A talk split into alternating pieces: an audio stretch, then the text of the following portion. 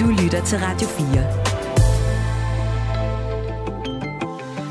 Velkommen til Radio 4 morgen.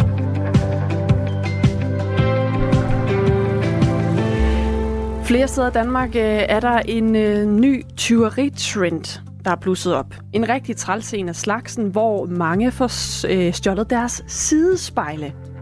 Specielt hvis man har en dyr bil, hvor sidespejlene også indeholder øh, noget forskellig avanceret teknik og teknologi, så er der altså lige nu øh, nogen, der går rundt og, og stjæler de her sidespejle. Og den store udfordring ved det er jo, at har man en bil, måske en dyr bil, der har et sidespejl, mm. så er det altså ret svært at tage det med sig rundt i dagen. Ikke? Altså man kan ikke rigtig sådan tage sidespejlene af, eller øh, låse dem fast, eller noget som helst. Og derfor så er man lige nu øh, nogle steder i en situation, hvor man bare må leve med, at hvis man parkerer sin bil på gaden, eller hvor man nu bor, så kan det være, at man står op øh, morgen efter til en øh, bil uden sidespejle. Vi skal tale med en af dem, der har oplevet øh, præcis øh, det her med, at det altså forsvandt øh, fra hendes bil om øh, cirka sådan øh, 8-9 minutter. Arbejd ikke hos dem, arbejd ikke for dem. Sådan øh, skriver venstrepolitikeren Jan E. Jørgensen på sin LinkedIn-profil og, øh, LinkedIn-profil og opfordrer mere end 600 ekomedarbejdere i Tønder Kommune til at opsige deres stilling. Vi talte også mere om øh, tidligere i morges, hvor han faktisk sammenlignede det med at arbejde for Eko med at arbejde for tyskerne under 2. verdenskrig. Det er populisme, det her, øh, som Jan E. Jørgensen er ude at sige. Det siger Peter Engel Andreasen. Han er erhvervsdirektør i Tønder Erhvervsråd. Ham taler vi med efter nyhederne klokken halv ni. Det er Radio 4 morgen med Michael Robach og Anne Philipsen. Thomas Sand passer nyhederne denne morgen, som er en onsdag i februar. Vi nærmer os altså marts. Ja, det er snart forår. alt muligt andet. Lige nu er klokken 6 minutter over 8. Godmorgen. Godmorgen.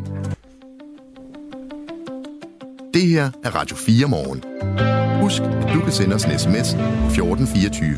Skal der sendes europæiske soldater til Ukraine?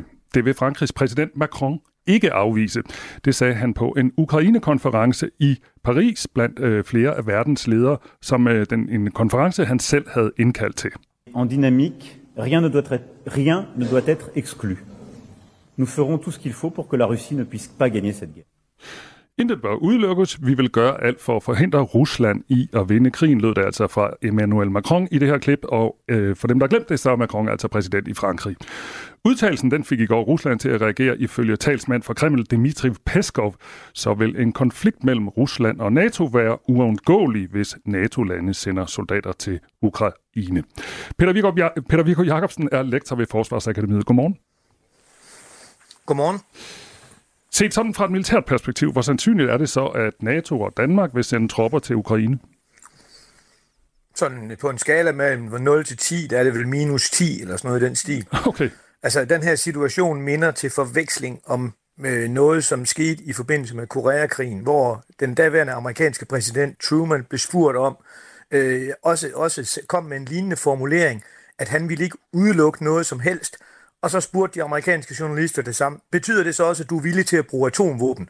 Og så rodede han sig ud i noget, der minder om det, øh, som, hvad hedder det, øh, Macron rodede sig ud i øh, på det her pressemøde. Selvfølgelig havde man i den amerikanske administration diskuteret brug af atomvåben, og selvfølgelig skal vestlige ledere også se på muligheden for, kan der være en situation, hvor det kan være nødvendigt at smide kamptropper ind på, øh, på kamppladsen. Men det er ikke særlig smart at gå ud og sige, hvis man ikke mener, det er troværdigt. Og det vi har oplevet fra Paris siden det her kom, og efter at øh, Macron er blevet kørt over af Gud og hver mand, inklusiv amerikanerne, så har han jo været ude og lave noget meget, hvad det hedder, uskøn, øh, hvad det hedder, rygsvømning, hvor han nu snakker om, at det kan også være grænsevagter, og det kan også være alt muligt andet. Så, så der er altså ikke noget, der, der tyder på, at vi skal til i krig med Rusland. Så der er der altså ikke nogen, der skal sidde ude ved radioapparatet og være bange for.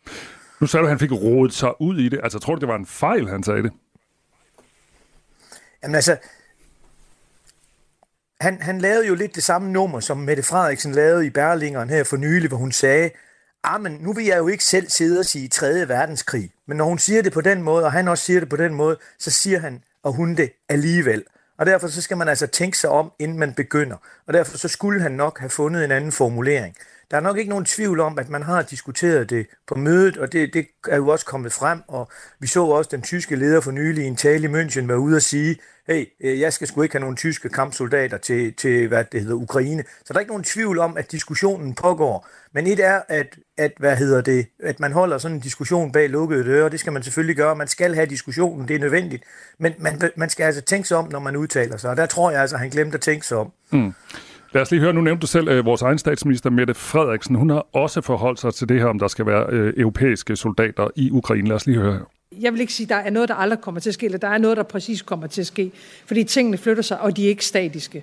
Men det er ikke en diskussion i gruppen af allierede, at der skal boots on the ground i Ukraine. Den diskussion har der ikke, øh, har der ikke for alvor været. Sådan sagde altså Mette Frederiksen, og lige nu taler vi med Peter Viggo Jacobsen, der er lektor ved Forsvarsakademiet. Hvordan hører du det, Mette Frederiksen siger? Jamen altså, hun, hun, hun, hun går jo bare ud og lader være med at forholde sig til diskussionen, ligesom forsvarsministeren også gjorde i går. Men, men, men altså det centrale i den her diskussion er jo altså også, at, at der kommer ikke til at ske sådan noget, mindre amerikanerne er med på klumpen. Det er amerikanerne, der kører den militære strategi, og når så miniputterne i Europa sidder og holder møder med sig selv, så, så bliver der nogle gange sagt nogle mærkelige ting. Og der skal man altså lige huske på, at hvis amerikanerne ikke synes, det er en god idé, så er det meget svært at forestille sig, at det kommer til at ske. Der er jo ikke nogen vestlige, vestlige regeringer, der har lyst til at sende deres soldater i krig med Rusland, medmindre de kan være helt sikre på at få luftstøtte fra amerikanerne. Og selv i den situation vil der være rigtig mange, der vil synes, det er en rigtig dårlig idé. Øh, så, så, så jeg, jeg kan ikke se amerikanerne være villige til at risikere 3. verdenskrig over Ukraine.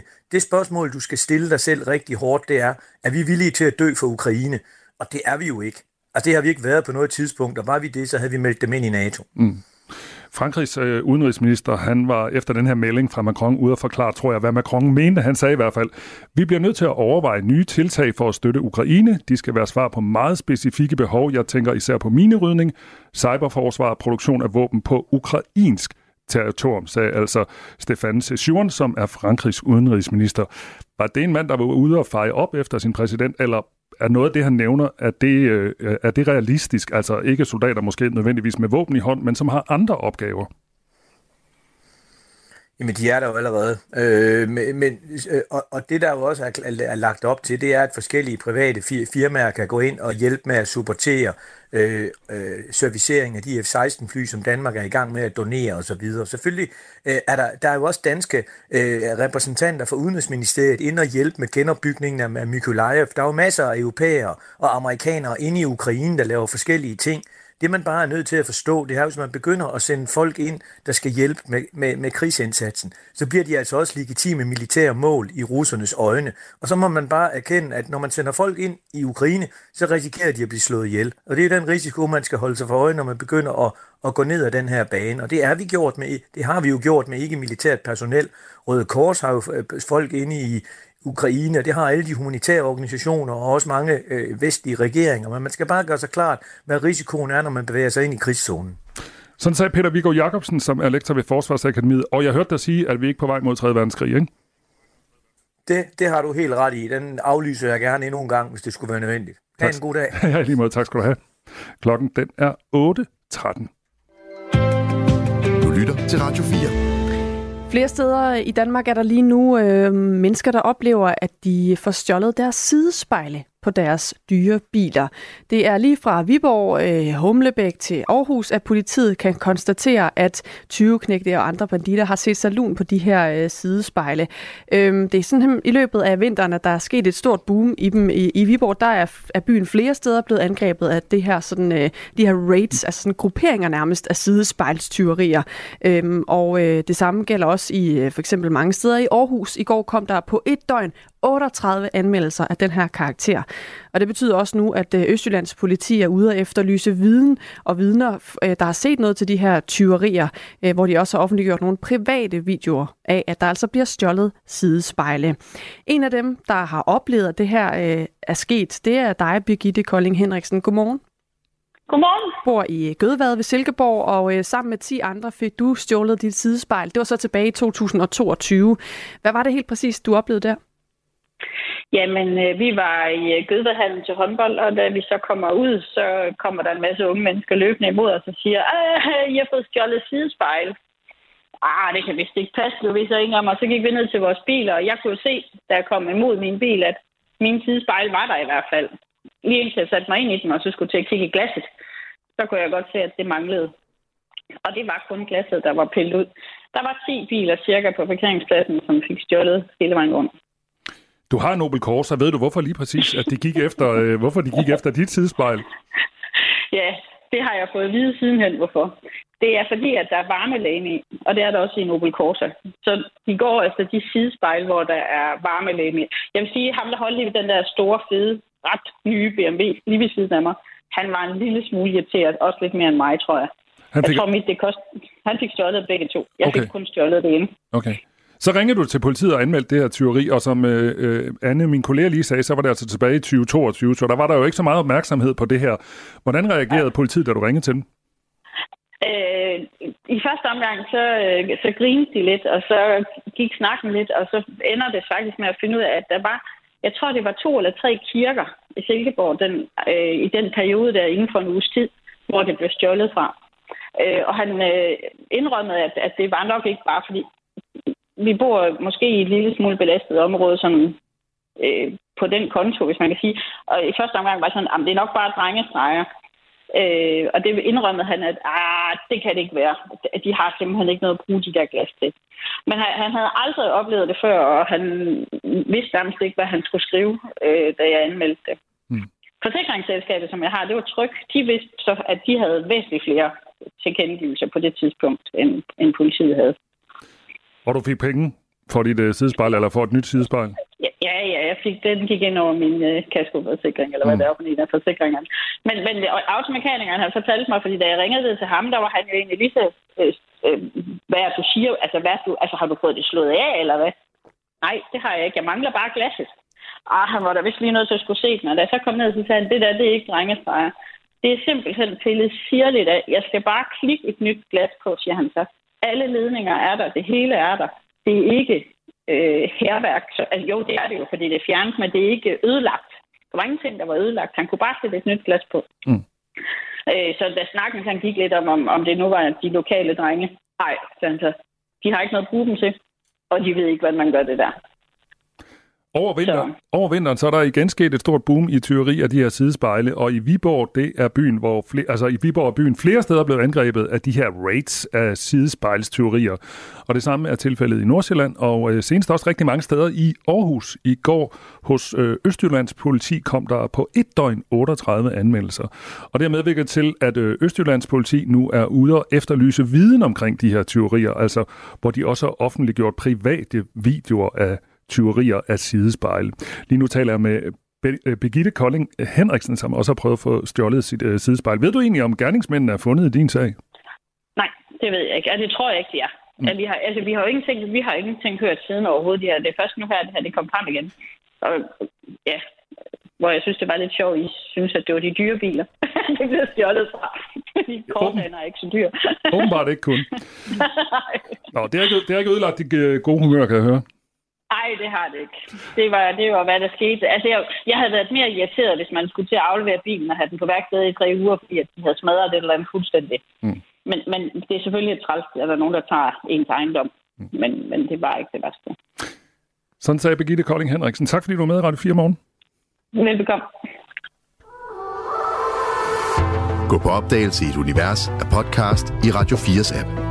Du kan finde alt lige fra undersøgende dokumentar, de bedste portrætter og stærke politiske debatter. Download Radio 4's app og få meget mere Radio 4. En rundspørg TV2 har foretaget viser, at øh, næsten 4 ud af 5 ældrechefer fortæller, at kommunen i løbet af det seneste år har haft en eller flere voldsepisoder mellem to borgere. Og når man så spørger ældrecheferne ind til, hvad de primære årsager er til, at der altså finder øh, vold sted på, øh, mellem beboerne på plejehjemmene, så peger næsten 80 procent på, at gruppen af beboere på plejehjem i dag er mere udfordret end tidligere, blandt andet af demenssygdomme. Ifølge Sundhedsstyrelsen så lider 75-85 procent af alle plejehjemsbeboere i dag af demens. Men hvis man læser regeringens udspil til en ældre reform igen, så står ordet demens kun nævnt en enkelt gang. Moderaternes ældreordfører Kenneth Bjerg forklarer det sådan her. Helt grundlæggende kan man sige, så er udspillet også et udtryk for, at, at vi i regeringen har tillid til både kommuner og til det kommunale selvstyre, som er derude. Øhm, og derfor så, øh, så anerkender vi også, at kommunerne er ikke ens, og måden de gør tingene på er heller ikke nødvendigvis helt ens. Men, øh, men ved at gå ind og, og, og bruge specifikke ord, så, så kan man også risikere at lægge bånd på nogen. Mette Ravn Fjordside er direktør i Alzheimer-foreningen. Godmorgen. Godmorgen. Vi øh, taler jo altså om det her også i øh, lyset af den her rundspørge, hvor øh, fire ud af fem ældrechefer fortæller, at kommunen har oplevet en eller flere voldsepisoder mellem to borgere, og hvor de peger hen imod, at der også er flere ældre, der er belastet, for eksempel af, af demens. Se det det lys. Hvad tænker du så om, at regeringens udspil til en ældrereform kun nævner ordet demens en enkelt gang? Man kan jo vælge at betragte øh, den manglende omtale af, af demenssygdomme som, øh, øh, at de godt ved, at hele udspillet handler om det. Fordi der er jo ingen tvivl om, at på, i, i ældreplejen, og særligt på plejehjemmene, er der jo op til 80 procent øh, med demenssygdomme, men jo også med mange andre kroniske sygdomme. Så når vi ser på sådan et, øh, et reformudspil, så øh, er vi jo mange organisationer, og, øh, og også hos os, der sidder og tænker, men det er jo vores syge og kronisk syge målgruppe, så det er jo det, vi har i baghovedet, når vi skal kommentere på det fremadrettet. Mm. Øhm, når du hører det her, altså de her tal, som øh, TV2 har fået, øh, fået, fået fra ældre chefer rundt om i kommunerne, hvad tænker du så egentlig om det? Altså, øh, det gør mig selvfølgelig øh, lidt ked af det, og det gør det, fordi der, øh, når man har en, øh, en hjernesygdom som demens, så er udadreagerende adfærd, eller det vi også kalder nogle gange uforståelig adfærd, det er simpelthen et udtryk for, at man ikke trives. Og øh, det er simpelthen en måde at forsøge at øh, kommunikere på, som, som selvfølgelig ikke er hensigtsmæssig. Øhm, så det der, øh, det, der ligger til grund for det, det er, at der ikke er de, de rigtige rammer omkring øh, personer med, med demens. Og savner du så et fokus på det i det ældreudspil, som regeringen har lagt frem? Men man kan sige, de ord, altså de øh, plusord, som jeg tror alle er enige om, der er i udspillet omkring selvbestemmelse og fleksibilitet i plejen og, og tillid til hinanden og også en helhedspleje, det kan man jo på ingen måde være imod. Så det, vi er optaget af, det er, hvilke betingelser skal der, skal der være til stede, for at, øh, at det her det kan folde sig ud. Øh, der står jo også i, i udspillet, at, øh, at øh, de, de ligesom også øh, forlader sig på sådan få bærende værdier. Øh, og det vil jeg bare sige, når vi taler om hjernesygdom, øhm, som man jo altså dør af, hvis man ikke dør af, af andre sygdomme før, så er det jo ikke nok at snakke om få bærende værdier. Øhm, det er jo øh, en historie, der, der sådan øh, har rod i noget øh, meget ubehageligt, altså det her med, at der øh, er flere kommuner, der har oplevet voldsepisoder mellem to borgere, og hvor det jo så netop også kan være demens, der er forklaringen, lyder det fra, fra nogle af ældrecheferne. Øhm, hvad er det egentlig, der kan gøre, at demente bliver udadreagerende på plejehjem? Mm. Altså, øhm, det, det er jo svært lige ud fra, fra den her rundspørg lige at sige, hvad stigning og så videre, men, men hvis, vi, hvis vi i hvert fald tager deres oplevelser øhm, og prøver at arbejde med dem, altså ældrechefernes oplevelser og prøver at arbejde med dem, så kan man sige, det der er øh, problemet, det er, at der ikke er øh, tid og ressourcer, men også faglighed til stede. Øhm, man kan arbejde med at øh, afdække, hvad er det, øh, personen med demens prøver på at udtrykke. Det kræver øh, en god relation. Det kræver, at man kender livshistorien, at man kender personen, ved, hvad, hvad kan personen lide, hvad kan personen ikke lide, hvad er det for nogle forandringer, vi ser, hvad er det for nogle tidlige tegn på frustration, eller manglende trivsel, som det faglige personale kan, kan se, identificere og begynde at arbejde med. Hvad, øhm, hvad tænker du så, der mangler her? Altså også hvis vi skal se på, hvad ældreudspillet øh, skal kunne i din optik, for at man kan dæmme op for øh, tilfælde, hvor det så i sidste ende eskalerer og bliver til vold? Altså, det mangler... Øh, jeg, vil, jeg vil først lige starte med at sige, at der er selvfølgelig steder, hvor, hvor de er rigtig, rigtig gode til at håndtere det her. Og det bunder jo i, at de har et øh, rigtig godt fagligt blik på det, og at de har tid til det enkelte menneske, og de har ressourcer, der er tilstrækkelige. Det er faktisk det, der skal til. Øhm, man har brug for en sådan faglig, insisterende nysgerrighed for at finde ud af, hvad er det, der ligger bag adfærden.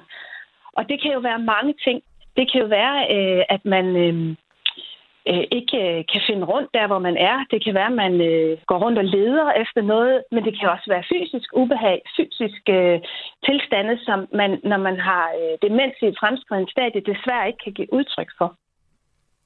Moderaternes ældreoverfører Kenneth Bjerg øh, giver dig egentlig ret i, at han, han kan godt se området her øh, kunne bruge et løft, men han øh, lægger jo så også øh, vægt på, at regeringen og, øh, og Moderaterne også foreslår, at der skal være mere selvbestemmelse hos kommunerne. Du kan lige prøve at høre, øh, for jeg fortalte ham nemlig øh, dit øh, syn på det og dine bekymringer tidligere, da jeg talte med ham, og han svarede sådan her. I det udspil, vi er kommet med nu, der, der er det korrekt, der er ikke afsat specifikt til det ene eller det andet område. Og det er også i erkendelse af, at der kan være forskel fra kommune til kommune. Så vi har ikke afsat specifikt til hverken demens eller Alzheimer's eller andre, altså til et specifikt område. Og, og det er jo også for at imødekomme de her forskelle, der er ude i kommunerne. Mette Ravn Fjordside, som direktør i Alzheimerforeningen, øhm, er du så tryg ved, at regeringen her lægger op til, at det skal være forskelligt fra kommune til kommune, hvilke områder, der skal blive løftet? Altså for det første, så vil jeg sige, at der er jo ingen kommune, der ikke ser mennesker med demens i deres ældrepleje. Så øh, det her med, at det skulle være en særlig ting, og det kan variere meget, det, det har jeg lige svært ved at, at, at forstå, hvorfor det skulle være tilfældet. Øh, ja, jeg er bekymret ved, at man ikke vil gå ind og, øh, og fastlægge nogle kvalitetsstandarder. Det er altså for plejen. Øh, demenssygdomme er hjernesygdomme. Der er veldokumenterede metoder for, hvordan man skal arbejde med det, og, øh, og det mener vi bestemt, man skal indføre på tværs af kommunerne. Så er vi også lidt bekymret ved, at man ikke øh, går ind og kigger og forenkler lovgivningen. Altså, at man får sygeplejen, fordi det her det er sygdom, og det er syge mennesker. Og jeg vil også godt lige øh, sige, at det er jo også andre kroniske sygdomme at man simpelthen ikke får, øh, får sundhedslovgivningen øh, med øh, ind i, i den daglige øh, praksis på, på, på plejehjemmene, men også i, i hjemmeplejen. Det er, vi, det er vi bekymrede ved. Og så er der også det her med, øh, at øh, kommunerne, og det synes jeg også skal gælde for dem alle, at man øh, fastholder en, øh, en relevant form for dokumentation. Øh, der er jo lagt op til, at al dokumentation skal fjernes, og, øh, og nu er det jo LO-spillet lige nu er jo i overskrifter, så det kan jo være, at der ligger andre ting øh, under nedene, når vi kommer længere ind i det. Men det vil klart være vores øh, øh, øh, hvad skal man sige, krav, at man fastholder relevant dokumentation. Og så endelig, så tror jeg også, at man bliver nødt til på tværs af alle kommuner at sikre en god klageadgang. Det var mange ønsker, du havde øh, her til sidst, med ja. Ravn Fjordside fra Alzheimerforeningen. Tak fordi du var med her til morgen. Selv tak. Klokken er 8.27. Du lytter til Radio 4 morgen. Der er øhm, diskussioner, uenighed, en twist i øh, musikverdenen. Jeg ja. synes, vi lige skal tale om. Det er boet for den øh, nu afdøde amerikanske sangerinde Donna Summer, som har lagt sag an mod rapstjernen Ye, også kendt som Kanye West, ja. som øh, er blevet anklaget for at have brugt det her hit.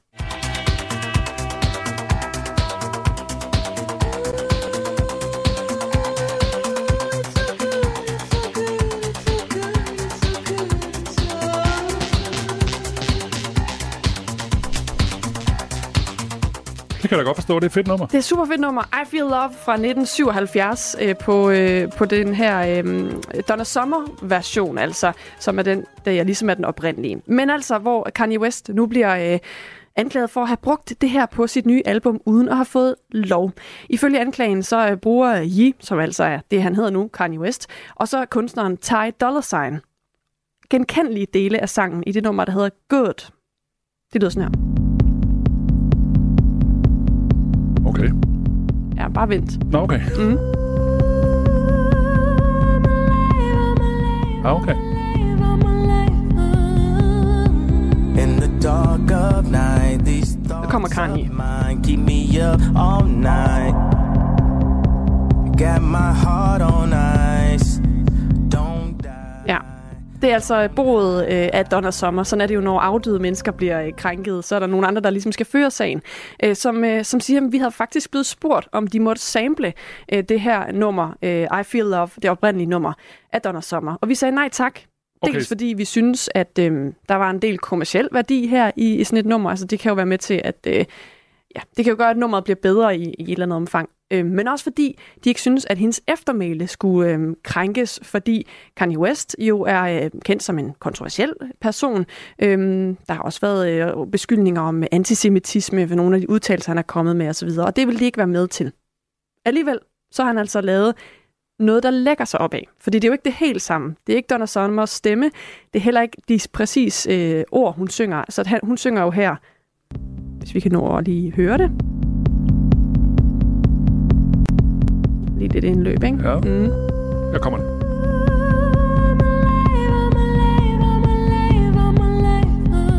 Ja, hun synger I'm Alive, og det synger Donna Summer ikke.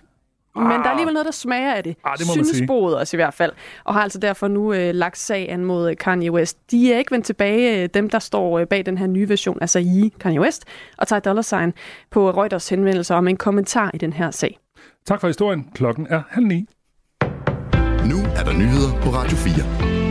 Sidste år fik politiet 5.079 flere anmeldelser om butikstyverier, end det gjorde i 2022. Det viser nye tal fra Danmarks Statistik. Ifølge Danmarks Statistik svarer det til en stigning på 25 procent. Størstedelen af de anmeldte tyverier var fra dagligvarerbutikker, lyder det.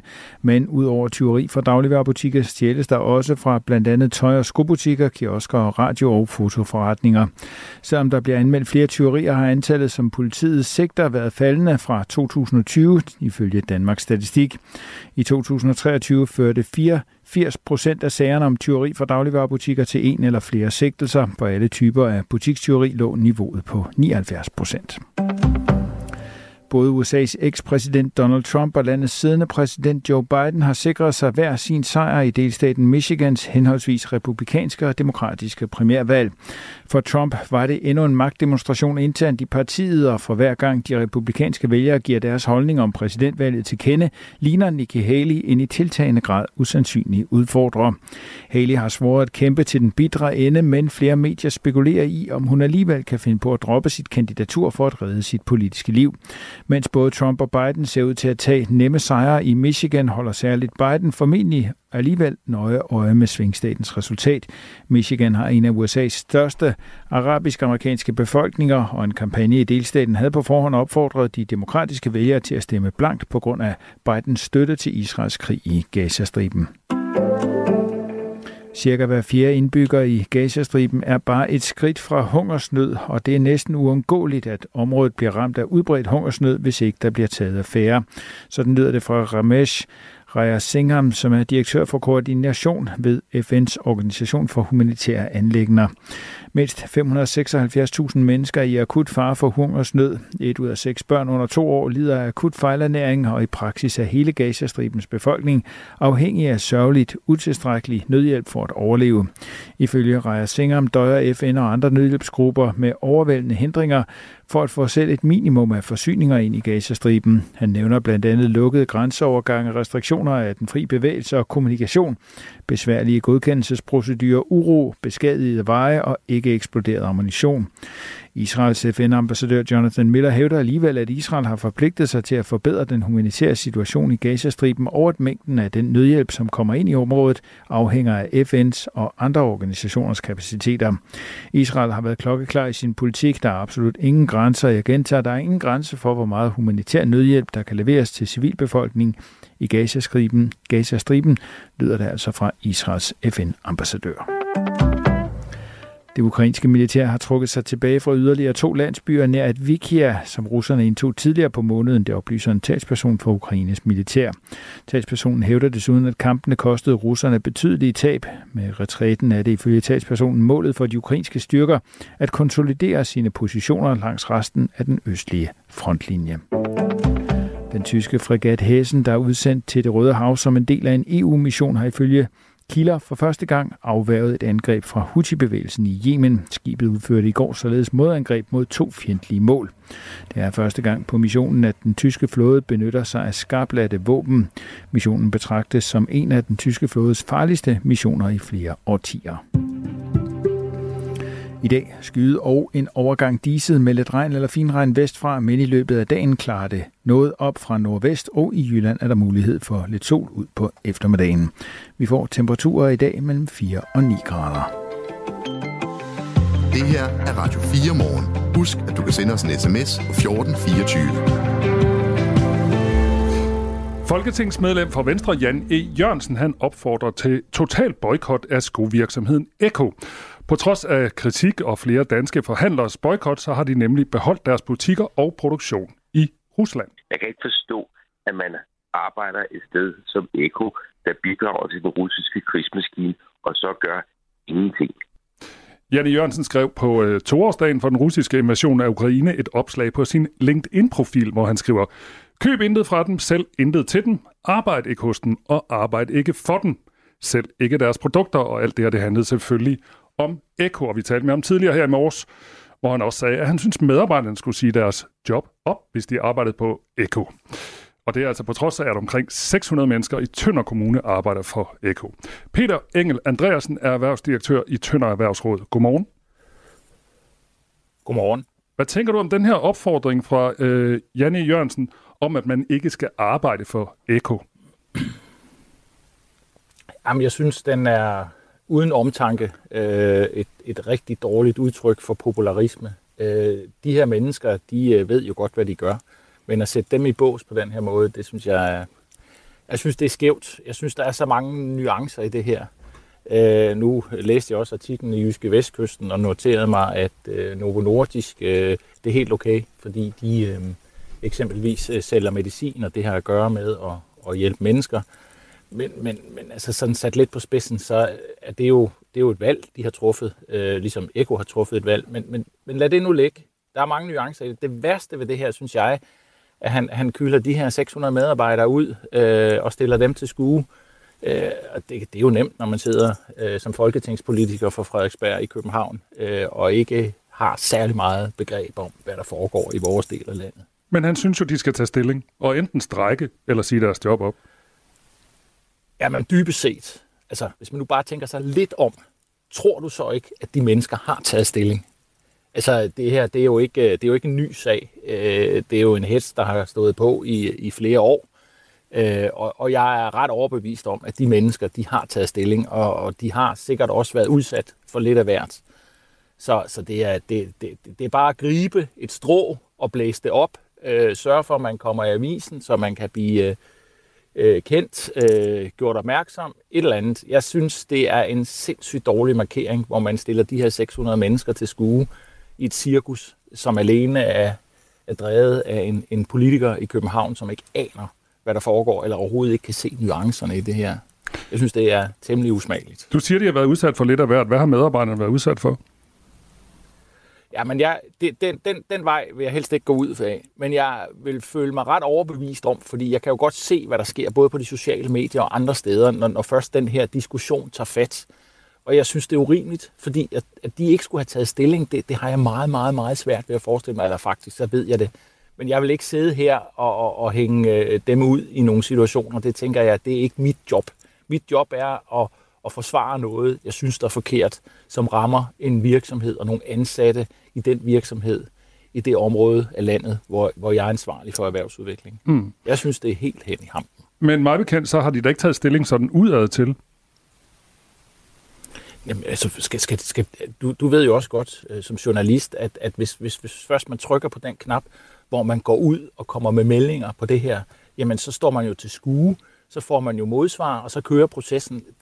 Der er jo flere måder at angribe det på, og jeg tænker taktisk, så kunne jeg godt forestille mig, at en familiefar eller en, en mor eller en kone, eller hvad det nu måtte være i en situation, som har et arbejde, at, at vedkommende har taget stilling øh, og forholdt sig til det, og formentlig også i vennekreds og alt muligt andet, udtrykt, hvorfor man har gjort, hvad man har gjort. Det er ikke en offentlig skueproces. Altså, det, det, det tænker jeg, det er ganske klogt, det de har gjort. Nu sagde du, øh, jeg kan ikke se, hvorfor de øh, i forhold... Ja. Ja, nu brugte du ordet, at de har været udsat for en hets. Mener du det? Ja, det tror jeg, de har. På hvilken måde? Jamen altså, det, det, det, du, du kan jo se, du kan, jeg kan jo se de reaktioner, der er kommet de få gange, hvor vi selv har stukket hovedet frem og sagt, at øh, vi, øh, vi, vi står bag øh, de virksomheder, som er en del af erhvervslivet i Tønder Kommune. Øh, det er vores formål. Så, så er der jo kommet øh, adskillige reaktioner på det. Øh, og så kan man så sige, at vi, vi ligger jo lidt perifært. Så jeg øh, er ret overbevist om, at, at det er noget andet, hvis man øh, er ansat vi taler med Peter Engel Andreasen, som er erhvervsdirektør i Tønder Erhvervsråd, og vi taler med øh, Peter Engel Andreasen, fordi at Eko ligger i Tønder Kommune. Og tidligere i morges, der vi talt med Janne Jørgensen, altså venstrepolitiker fra Folketinget. Lad os lige høre et klip mere med ham. Og jeg er da med på, at det er da en kæmpe stor beslutning at skulle sige sit job op og søge et andet, og det kan måske være svært at få et. Men så kunne medarbejderne måske gøre noget andet. Man kunne nedlægge arbejdet, man kunne prøve på anden måde at lægge pres på ledelsen. Hvad siger du til det, han siger her? Jamen altså igen, altså det er jo ikke, øh, det, det, altså, jeg er ret sikker på, at når man er ansat, det er jo ikke, det er jo ikke øh, mindre begavet folk, øh, der arbejder på, på Ego, så jeg er ret overbevist om, at de har taget stilling, at de har forholdt sig til det, og, og som en, en anden moderne dansk virksomhed, så er jeg sikker på, at de der menneskelige mekanismer og de der kommunikationskanaler, man har, der, der kører alle de her ting. Øh, så, så, så det eneste, jeg kan se, at, at Janne Jørgensen ønsker at røre i, det er at stille sig selv frem øh, på en talestol, så at han kan få lov at høste nogle billige point, fordi det her det er et, et lavt hængende frugt i det cirkus. Men han er jo ikke helt alene. Altså, kongehuset har frataget Eko titlen som kongelig hofleverandør. Samtidig så Ekos holdning til Rusland blevet fordømt af såvel Ukraines ambassadør i Danmark som af danske toppolitikere herunder statsminister Mette Frederiksen. Som kan godt være, at du synes, det er populisme sådan i en helt konkret sag, men altså, han er jo ikke alene med sin kritik. Gør det ikke indtryk? Nej, det, nej, det gør det ikke, fordi det her det er, det er taget ud af en content. Der er så mange nuancer i det her. Altså, hvis vi begynder at kigge ind i alle de andre virksomheder, som der er i Danmark, og hvordan de har berøring med det, eller tage den danske stat for eksempel i forhold til dens aktiviteter i det her, i forhold til gas, i forhold til russiske skyggeskibe, som valgfarter rundt i de danske farvand. Altså, der er simpelthen så mange nuancer. Jeg tænker, man, man skal se det lidt for oven, og så skal man måske som landspolitiker, så skal man forholde sig til, hvordan det her bliver gjort, og hvordan det bliver gjort ordentligt. Det værste ved det her, det er ikke hele diskussionen om ego. Det er det her med, at man kylder 600 medarbejdere ud i det fri rum og stiller dem til skue. Øh, altså, som om, at de ikke har taget stilling. Selvfølgelig har de taget stilling. Altså, det er der ingen tvivl om. Det kan man ikke undgå i det her oplyste samfund, vi lever i. Jeg er ikke et sekund i tvivl om, hver eneste ansat på ikke har taget stilling til, hvorfor de er ansat der. Og jeg synes da måske også, det er tankevækkende, at de stadigvæk er der. Men nu har du for to eller tre gange sagt, at de har taget stilling. Hvad er det så, øh, de mener? Jamen altså, man kan jo, man kan jo tolke det, som man vil, men, men, øh, men det er åbenbart ikke noget, de ønsker at gøre til en offentlig skueprojekt, hvilket jeg synes er klogt. Jeg ville da være ked af, hvis det var sådan, at jeg drev en virksomhed, at alt, hvad der foregik i den, det skulle stå i aviserne, eller øh, radioerne, eller tv's øh, nyhedsformidling. Så ja, det, den er ikke længere. Altså det, der foregår i en virksomhed, det er jo den enkelte virksomheds, øh, han er sagt, private anlæggende, og heldigvis for det. Janne Jørgensen, han sammenligner faktisk øh, Ekos medarbejder med sin egen morfar, der under 2. verdenskrig arbejdede for tyskerne. Prøv at høre, hvad han sagde tidligere øh, i morges på Radio 4 morgen. Min egen morfar under 2. verdenskrig, han arbejdede som en Øh, øh, for tyskerne med at lave bunkers ved den jyske vestkyst. Øh, det var de nødt til. Der var otte måneder med det. Der var ikke andre muligheder. Men det vi ser i Ukraine, det er så øh, forfærdeligt, at vi må alle sammen også være klar til at øh, yde ofre der, hvor vi kan. Jeg arbejder ikke i Eko, men, men jeg synes, at man bør i hvert fald gøre et eller andet som ansat i Eko for at vise ledelsen, man er utilfreds med, at ledelsen har tilsværtet øh, Ekos navn på den måde, som de har gjort. Og så uddybede han videre sådan her. Det mener i hvert fald om hinanden, ikke? Det gør det. Øh, det er, det er en form for værnemageri. Vi er, om ikke sådan reelt i krig mod øh, Rusland, men, men de facto, så er det jo noget, der minder om det. Vi sender øh, våben for milliarder af kroner øh, til de ukrainske soldater. Øh, vi frygter, at øh, Rusland øh, måske kan angribe Danmark. Det er derfor, vi Øh, vi opruster og bruger mange flere penge på via vores militær, end vi har gjort tidligere. Det er derfor, vi taler om, at vi skal til at øh, opgradere vores beredskab osv. Og at man i den situation ikke kan forstå, at man skal trække sig ud af Rusland, det har jeg øh, virkelig svært ved at forstå. Sådan sagde altså Janne Jørgensen, der er venstremand og øh, medlem af Folketinget, og lige nu der taler jeg med Peter Engel Andreasen, der er erhvervsdirektør i Tønder Erhvervsråd. Hvad siger du til den her sammenligning med værnemageri? Ja, men den, den, den, den, den krydder det jo bare med at blive endnu mere søgt, fordi altså, dengang var Danmark jo direkte i krig med, øh, eller var invaderet af tyskerne. Og man kan sige her, der er det lidt forlænget arm. Øh, der er jo, så vidt jeg ved ikke, hverken danske soldater eller lignende, der er i krig i Ukraine. Ja, vi sender våben derned, men hvis man så skal sætte den lidt på spidsen, så kunne man jo måske begynde at kigge på, hvorfor vi importerer gas fra Rusland. Man kunne også måske begynde at kigge på, hvad man skulle gøre ved de her forskellige skyggeskib, der sejler rundt i danske farvande, eller måske mere gennemgående kortlægge, hvis det er så vigtigt, øh, hvad, hvad erhvervslivet gør i Rusland. Øh, Carlsberg, øh, Rockwool, øh, Novo Nordisk med videre. Men, men, men det, her, ikke, det her, det er ikke det, det drejer sig om. Altså det her, det drejer sig om, at Jan E. Jørgensen hælder 600 mennesker ud på en plade, øh, som om, at de ikke har taget stilling. Og det er der, hvor, hvor min kæde den hopper af. Altså jeg er alt for, at folk har holdninger til det ene og det andet, men, men det er de 600 medarbejdere, som, som trods alt øh, kæmper for at opretholde øh, et levebrød, og som i øvrigt understøtter øh, et, et, et, en forretning, øh, og som gør det godt. De har taget stilling. Men, men, men at hælde dem ud på den måde, det, det er kun et udtryk for, at hey, her er jeg, se mig. Øh, det synes jeg er et rigtig smart ting at sige i anledning af toårsdagen af invasionen i, i Ukraine. Øh, det, det synes jeg er ganske upassende. Altså, jeg, jeg kan forstå, at han skyder efter ledelsen. Jeg kan fandme ikke forstå, at han skyder efter medarbejderne. Det er stensikker på, at de har taget stilling. Men det er måske, fordi han trænger til at høre fra medarbejderne. Ja, men det er da ikke sikkert, at de har lyst til at snakke med ham. Altså, det, det, det, det er jo deres frie valg. Øhm, og det, det kan jeg egentlig godt forstå. Fordi jeg tror, at i og med, at øh, de stadigvæk øh, arbejder, som de gør, og passer deres ting, så tror jeg måske også, at de godt kan klar over, at hvis de kaster sig ud af den vej der, så bliver det jo en skydeskive. Så ja, det kan jeg egentlig godt forstå. Jeg synes ikke, at bare fordi han stiller sig op på en talerstol på torsdagen og råber ud over forsamlingen, at de her ansatte skal, skal føle sig for en led til at sige hverken det ene eller det andet. Jeg er sikker på, at de har taget stilling også i deres omgivelser. Men om det så er kommet i pressen, det skal jeg ikke kunne sige, men det er jo sådan set heller ikke noget problem. Nu har du nævnt nogle gange, at der kan også være andre øh, problemer i forbindelse med ligesom at være til stede i Rusland eller handle med Rusland. Øhm, Eko-koncernen har tidligere oplyst, at øh, Rusland tegner sig for omkring 10% af Ekos omsætning. I 2021 der havde Eko et overskud på 320 millioner kroner, og i 2022 var det fordoblet til 655 millioner kroner.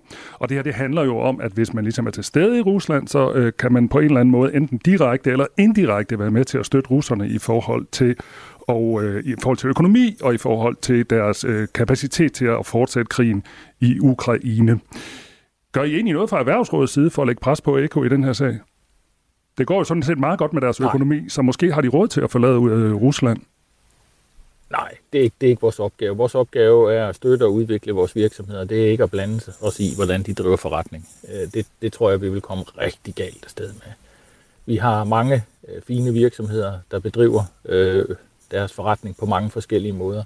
Vores opgave er ikke at, at, at løfte moralens øh, svær. Vores opgave er at, at udvikle deres forretning. Øh, øh, søge ressourcer, konsulenter, og så videre. Øh, så så det, det, det er ikke vores opgave. Tak skal du have. Det var så let. Altså Peter Engel Andreasen, som er erhvervsdirektør i Tønder Erhvervsråd på den her historie, hvor Jan E. Jørgensen, altså venstremanden, har været ude og sige, at han ikke kan forstå, at folk, der arbejder for Eko, ikke enten strækker eller siger deres job op. Klokken er 8.47. Hanne Bol, hjertelig velkommen til Portrætalbum. I Portrætalbum bruger Anders Bøtter musikken til at vise nye sider af sine gæster. Der var en stor bevidsthed om ligestilling, og det tror jeg er en af grundene til, at Anne Linde, og Sanne og Lisa, alle mulige kvinder på det tidspunkt, havde ret stor selvtillid. Min generation, som er vokset op med den der rødstrømpe bevægelse, de har gjort arbejdet for os, og vi tager ikke over. Vi, vi kører bare derud af. Woo! Lyt til Portrætalbum i Radio 4's app, eller der, hvor du lytter til podcast. Lige pludselig en dag vågner jeg op til, hvad pokker er der sket? Hver fjerde indbygger i Gaza er kun et skridt fra hungersnød. Så lød det i går fra FN's direktør for koordination ved Organisationen for Humanitær Anlægner i en briefing til FN's Sikkerhedsråd. Ifølge ham så vil udbredt hungersnød næsten uundgåeligt være, være næsten uundgåeligt med krigens fortsættelse og den sparsomme nødhjælp, hvis altså ikke der bliver handlet. Og lige præcis situationen i byen Rafah, der ligger i den sydlige del af Gazastriden, tæt på den egyptiske grænse, kræver akut politisk handling.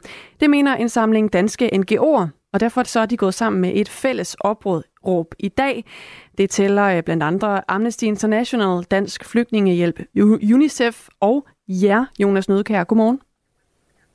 Godmorgen. Og når jeg siger jer, så mener jeg Folkekirkens Nødhjælp, hvor du er konstitueret generalsekretær.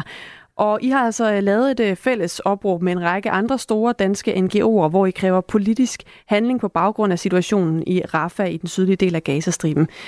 Lad os lige starte med at få på plads, hvad det er, I oplever der. Altså, hvad er situationen set med jeres øjne i Rafah lige nu? Jamen, som du selv også lige nåede at beskrive, så er det en katastrofal situation, som det er nu.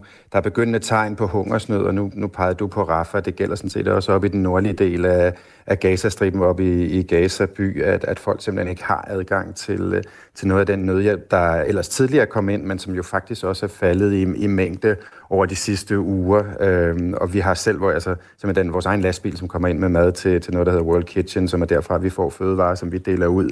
Den bliver angrebet af folk, der er desperate, og så tager de simpelthen og, og plyndrer de her lastbiler nu. Så det er så desperat, som situationen er.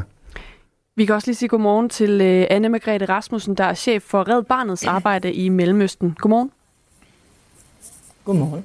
Og altså også en af de andre organisationer, der er med i det her opråb. Hvad hører I lige nu fra øh, jeres folk i Gaza om situationen?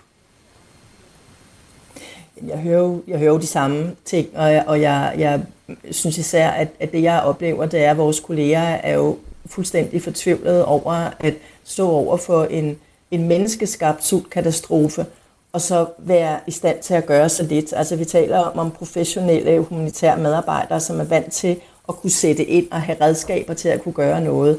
Og det er det, vi ikke kan lige nu, fordi det er så svært at få hjælpen ind, og, og som Jonas sagde, at det er meget, meget svært også at få den ud. Og så er I altså øh, medafsender på det her fælles opråb, hvor I kræver politisk handling på baggrund af det her. Hvad er det helt konkret, I efterspørger? Er det mig, du spørger? Ja, det er dig, Anne Rasmussen.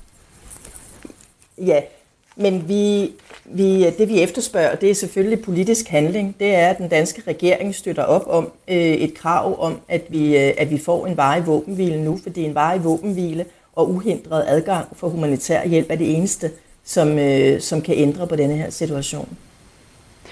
Vi har altså også øh, Jonas Nødekær med, der er konstitueret generalsekretær for Folkekirkens Nødhjælp. Og øh, det, der også står øh, tydeligt i den her, det her opråb, vi kommer med her til morgen, det er, at I jo er flere danske NGO'er, der er gået sammen om at øh, bede om den her akutte politiske handling. Jonas Nødekær, øh, hvorfor er det vigtigt for jer, at I er flere, der sådan samlet siger det her?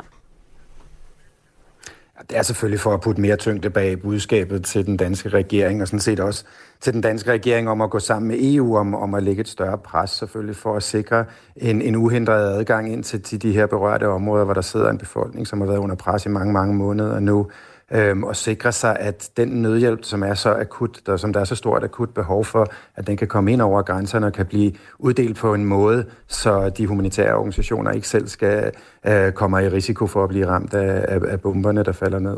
Og hvad kan de danske politikere egentlig gøre for at løse den øh, udfordring, I står med der?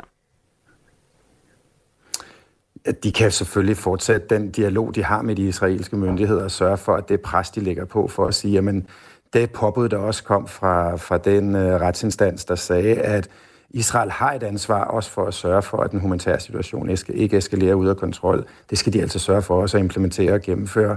Og det er nu fire uger siden, at, at den, øh, det påbud kom. Og vi ser meget lidt øh, forandring på øh, on the ground, eller hvad man skal sige, inde i Gaza. Og det skal der altså ske noget ved lige nu og her. Det kan den danske regering tale op. Men er det dit indtryk, at den danske regering sidder på hænderne her, og ikke er i gang med at tale det her op og få handling på bordet? Nej, jeg tror at den danske regering gør, gør, prøver at tage dialogen, men øh, jeg tror, at, at situationen i Gaza lige nu gør bare, at der skal lægges endnu større pres på, der skal tales med endnu større bogstaver, øh, hvis ikke vi skal se en, en hungersnød, der spreder sig inde i, i Gaza. Du nævnte før det her med, at I oplever det rigtig svært at komme øh, til med nødhjælpen, og når I så endelig kommer i nærheden, så bliver øh, lastbilerne faktisk plyndret af desperate mennesker. Hvad er det helt konkret, der gør, at det er så svært for jer her at komme frem med den nødhjælp til de mennesker, der har brug for det? Altså, hvor, hvad er det, der spænder ben for det? Jamen altså, dels er det jo selvfølgelig, at der nu er samlet flere millioner ned i den sydlige del af, af, af Gazastriden nede i Rafah-by, en by, der havde 250.000 mennesker før. Det vil sige hele den infrastruktur, hvor med man skal sørge for, at lastbiler kan komme frem, og folk kan i bedre ro og orden komme hen og, og hente den nødhjælp. Det kan nærmest ikke lade sig gøre, som det er nu. Det er en, en meget, meget, meget vanskelig situation rent logistisk. Så det er det, der i høj grad også spænder ben for det. Og så er det selvfølgelig, at kontrollen overhovedet med adgang øh, ved grænsen, den bliver jo styret hårdt af myndighederne, og det kan vi ikke nogen indflydelse for at, at kunne påvirke. Jeg vender lige tilbage til øh, dig, Anne Rasmussen, som altså er chef for Red Barnets arbejde ja. i Mellemøsten. Og øh, Red Barnet er jo også øh, nogle af dem, af de NGO'er, der står bag det her opråb, der beder om noget akut politisk handling øh, i forhold til, til den her situation, specielt i Rafah, men i det hele taget de øh, ting, der sker i øjeblikket i, i Gazastriben. Øhm, nu øh, hører vi her Jonas Nødkær sige, at, øh, at der er nogle meget konkrete udfordringer med at få nødhjælpen frem. Øhm, hvad er det, øh, du øh, gerne ser, at de danske politikere gør her? Altså sådan helt konkret, hvad, hvad har de egentlig? Hvilke muskler har de at spille med? Jamen, jeg tror ikke, jeg har så meget til, for, til det i forhold til det, Jonas sagde. Altså, det, det, det er at, at skrue op for, for, øh, for presset i forhold, i forhold til det her, og indse, øh, at det, at det bare nu, vi er nødt til at få den våbenhvile. Det er jo, det er jo, det er jo både et spørgsmål om at få ting ind, det er et spørgsmål om at kunne få de rigtige ting de rigtige steder hen. Jeg tror, du nævnte, øh, nævnte du tidligere, hvor mange børn, der er, er, øh, er ramt af akut underernæring, op, især op i de, de nordlige dele af Gaza. Det er noget, som vi godt kan gøre noget ved. Det er faktisk ikke, øh, det er ikke meget, meget kompliceret at hjælpe børn, der er akut underernæret, men lige nu er det umuligt at få de ting op, og, og, og, det, og, og den... øhm, og også at få de mennesker ind, som, som, som der er brug for. Det, det bliver vi simpelthen nødt til at gøre noget ved nu. Tak fordi du var med her, Anne Rasmussen. Selv tak. Som er chef for Red Barnets arbejde i Mellemøsten, og også tak til dig, Jonas Nødkær. Selv tak. Konstitueret generalsekretær for Folkekirkens Nødhjælp, og altså øh, to af de NGO'er, der øh, her til morgen øh, er gået sammen med et fælles opråb øh, sammen med en række andre danske NGO'er. Klokken er fire minutter i ni. Det her er Radio 4 morgen. Husk, at du kan sende os en sms 1424. Når politikerne sidder i Folketingssalen, så skal de stoppe med at sidde og lave fakta og ryste på hovedet under debatterne og lovbehandlingen. Sådan lyder det fra Folketingets formand, Søren Gade. Jamen, nu skal du høre, det er jo mit ansvar, at hvad skal man sige, forhandlingerne i Folketinget, de sådan kører øh, verden og efter øh, forretningsordenen. Øhm, og så har jeg jo fire gode kollegaer i præsidiet, og vi har jo jævnligt møde, og der tager vi jo op, hvad der sker i Folketingssalen. Og det er jo ikke sådan, at, øh, at øh, sæderne er helt i forfald.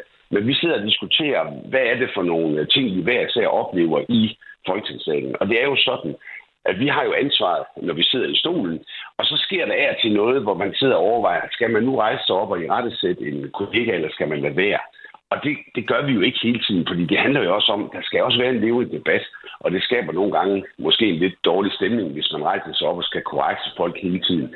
Men så når vi så har diskuteret det på et præsidiemøde, og vi sådan finder anledning til at sige, om vi kunne egentlig godt sende et, et, du kan kalde det et bekymringsbrev, som man kan få som forældre også på en skole, om at, at man skal lige være opmærksom på for eksempel det her med, at, at man ikke gestikulere eller ligesom kommer med misagsytringer, hvis man er uenig med det, der bliver sagt på talerstolen. Så det er sådan set ikke, det, det er bare for at undgå, at det ligesom tager til, fordi hvis det var en, en, en sag, man burde gribe ind overfor, jamen så, så skal man jo gøre det nede i sagen. Så det er sådan set bare en, brev til gruppeformanden om lige at indskære, at man kan jo bare bede om at få ordet, hvis man er uenig i det, bliver sagt på talerstolen, så kan man sådan set få lov at sige, hvad man vil.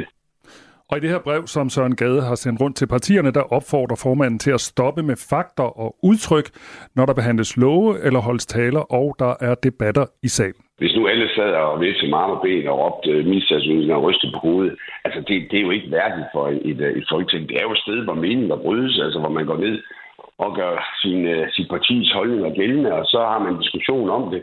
Det ender så op med til, typisk, at uh, man siger for eller mod et lovforslag eller beslutningsforslag, og så kommer man til, uh, til afstemning. Det er altså også noget, der har affødt sms'er og reaktioner på det her. Lad os bare lige tage en lille bunke af dem her. Der er en, der skriver, det skal være mere som i det engelske parlament. Det er festligt. Smiley. Der er også en, der skriver, generelt savner jeg en mere moderne stil i salen. At man stadig skal være øh, dis eller referere til hinanden som ordføreren, for at undgå at komme til at sige, du er ikke tidsvarende, skriver Patrick øh, Agergaard øh, ind. Øhm, der er også en, der spørger, hvad med skærmene? De sidder også tit med deres telefoner, de ah. her politikere, når de øh, skal lytte til debatter og sådan noget. Søren Gade har sendt det her brev på vegne af Folketingets præsidie, som jo altså er Folketingets ledelse. Og det er ikke, fordi der er kommet sådan skriftlige klager over problematikken, men der er kommet nogle mundtlige, siger Søren Gade. Det er det talte ord, der skal være i centrum, og som sagt ikke personen. Øh, og det er vel egentlig bare det, som vi prøver at sige øh, på en, synes jeg, venlig og ordentlig måde. Og så også igen understrege, vi har jo ikke grebet ind, øh, når de episoder, vi, vi hentyder til, skete, fordi det mente vi ikke, der var grund til at gøre. Men det er jo klart, vi kan jo godt skrive, hvordan det er, reglerne er, og så håbe på, at folk de måske i mindre udstrækning gør brug af, hvad skal man sige, kropssprog, gestikulerer eller sidder og, og taler ud i luften. Det er sådan set bare det, vi gerne vil øh, undgå fremover. Sådan lød det fra Folketingets formand Søren Gade, som også kunne afsløre, at han var ved at tømme sin opvaskemaskine, mens han talte med os. Selv øh, Folketingets formand har morgenpligter, ligesom alle vi andre. Øhm, om lidt så er der nyheder. Efter det er der frontlinjen her på Radio 4, og efter det igen, så er der ring til Radio 4. Det er 10.05. Det er der nemlig, og øh, de spørger blandt andet, er vi blevet for bløde i pædagogikken i folkeskolen, eller er det en forkert vej at gå med kæft, trit og retning? Og det er altså på baggrund blandt andet af, at Dansk Folkeparti er kommet med et forslag, som var sådan lidt mere, nu skal der strammes op-agtigt. Noget vi også var omkring øh, her i øh, programmet i går. Tak for i dag. Klokken er 9. Du har lyttet til en podcast fra Radio 4. Find flere episoder i vores app, eller der, hvor du lytter til podcast.